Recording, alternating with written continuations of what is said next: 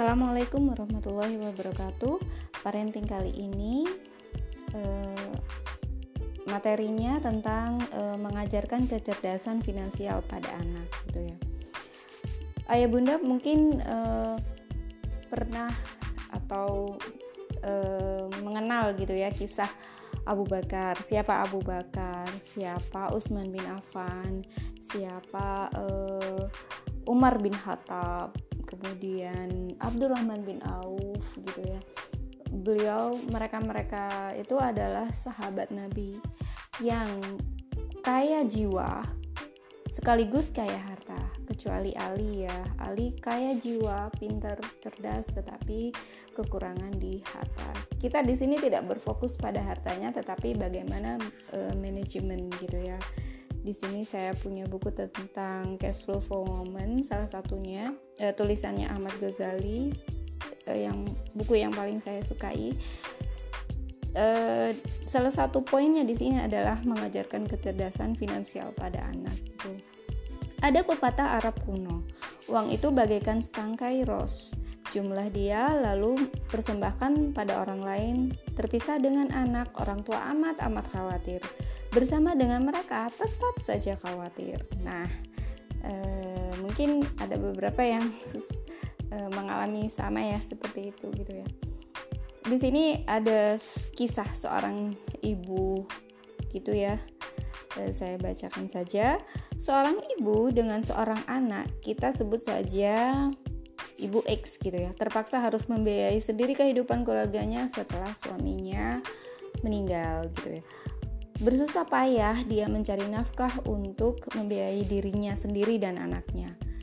Sedikit demi sedikit hasil kerja kerasnya dia tabung setiap hari. Bukan rekening tabungan di bank yang dia miliki, namun sekedar celengan di rumah yang cukup besar.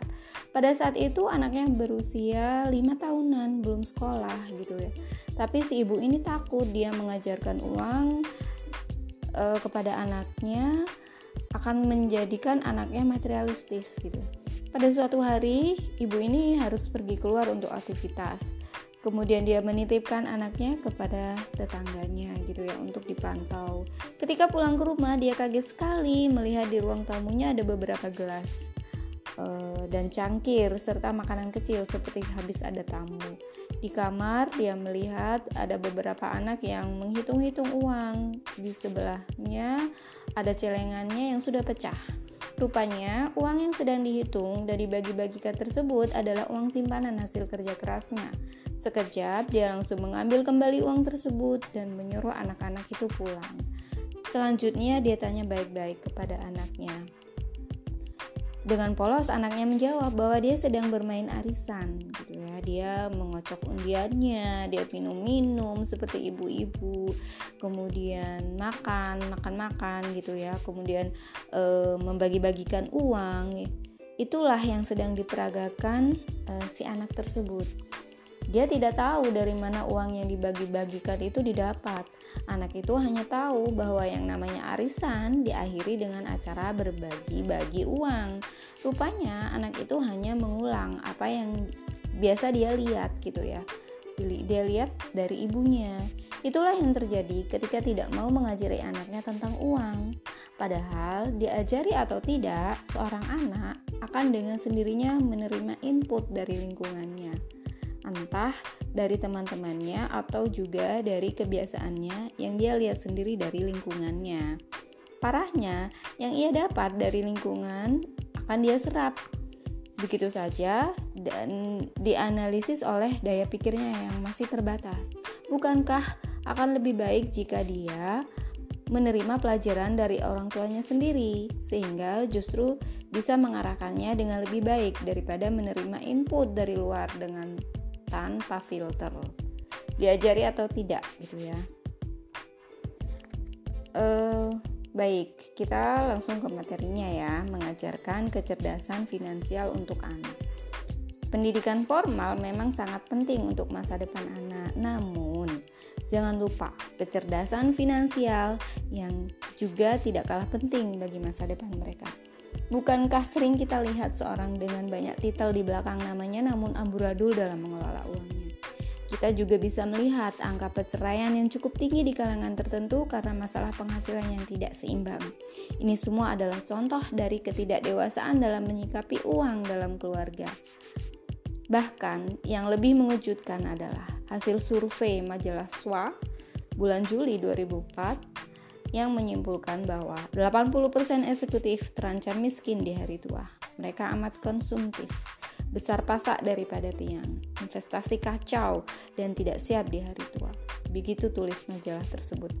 Betapa mencengangkan, tidak sedikit eksekutif berdasi harus merogoh kantongnya dalam setiap bulan karena terhimpit utang kartu kredit.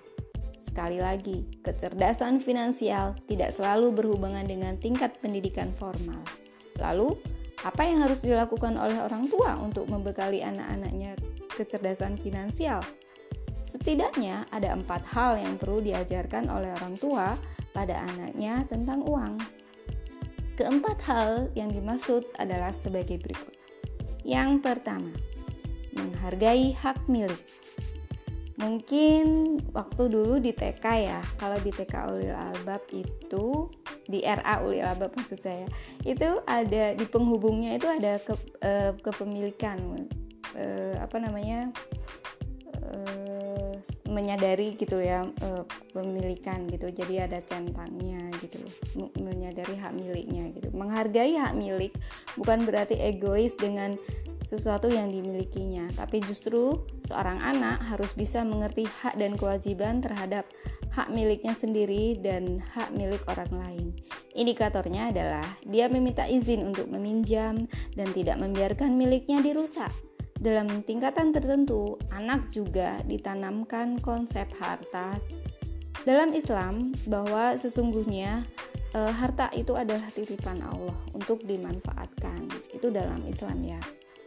Dimanfaatkan di sini adalah dimanfaatkan dengan sebaik-baiknya sesuai dengan amanah yang diberikan. Jika seorang anak sudah mengerti tentang konsep hak milik, maka kejadian menyedihkan seperti cerita di atas itu tadi tidak tidak harus terjadi gitu ya. Kemudian yang kedua adalah memberi dan berbagi. Setelah konsep kepemilikan dipahami oleh anak, dia akan mulai mengerti ada anak yang beruntung, ada anak yang kondisinya kurang beruntung secara finansial.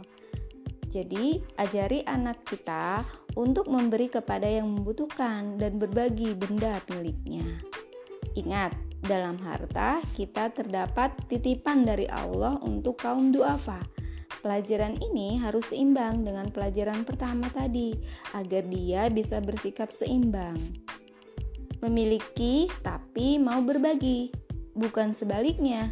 Memiliki tanpa mau berbagi dan bukan pula membagi-bagi tanpa mengerti batasan yang baik. Beri contoh pada anak dengan memberi uang pada pengemis yang dijumpai. Bahkan akan lebih baik jika anak bisa meminta agar si anak sendiri yang memberikan uangnya. Hal itu akan memberikan kesan yang mendalam padanya tentang arti pemberian. Daripada merayakan ulang tahun dengan pesta meriah, akan lebih bermanfaat jika mengajaknya untuk merayakan pesta ulang tahunnya di tengah anak-anak yang kurang beruntung. Seperti itu. Uh, mungkin kita cut dulu ya. Kita lanjut ke part 2 karena ini sudah uh, eh, 9 menit. Baik, kita cut dulu ya. Nanti kita lanjut ke bab 2.